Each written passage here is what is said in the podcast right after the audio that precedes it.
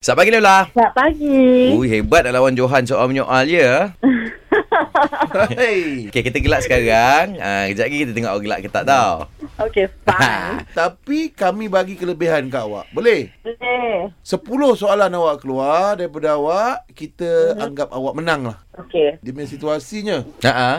uh, sedang menyaksikan Ya, ah. perlawanan uh, bola sepak. Okey. Okay. Adakah saya pemain bola sepak? Yo. Awak tak tahu ke siapa diri awak?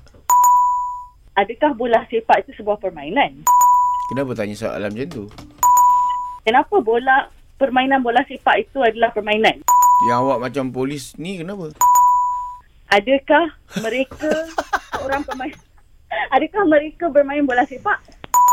Siapa yang awak masukkan? Siapa suka main bola sepak?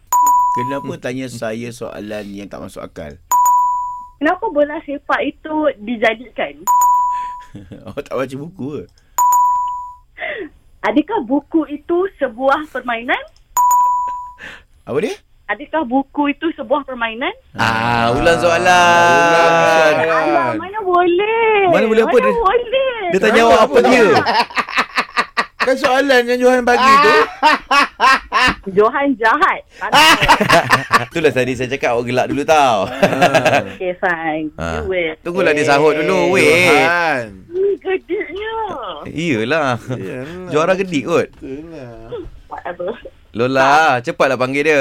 Johan. Uh, nak tengok bola lah malam ni. Ingat nak tengok bola. Aduh. An- Oh, ya. Ada orang panggil kau ni. Oh, ya, yeah, ya, yeah, yeah. Lola. Lola, Lola, right? Yes, Johan, you win. Alright, thank You you. win that.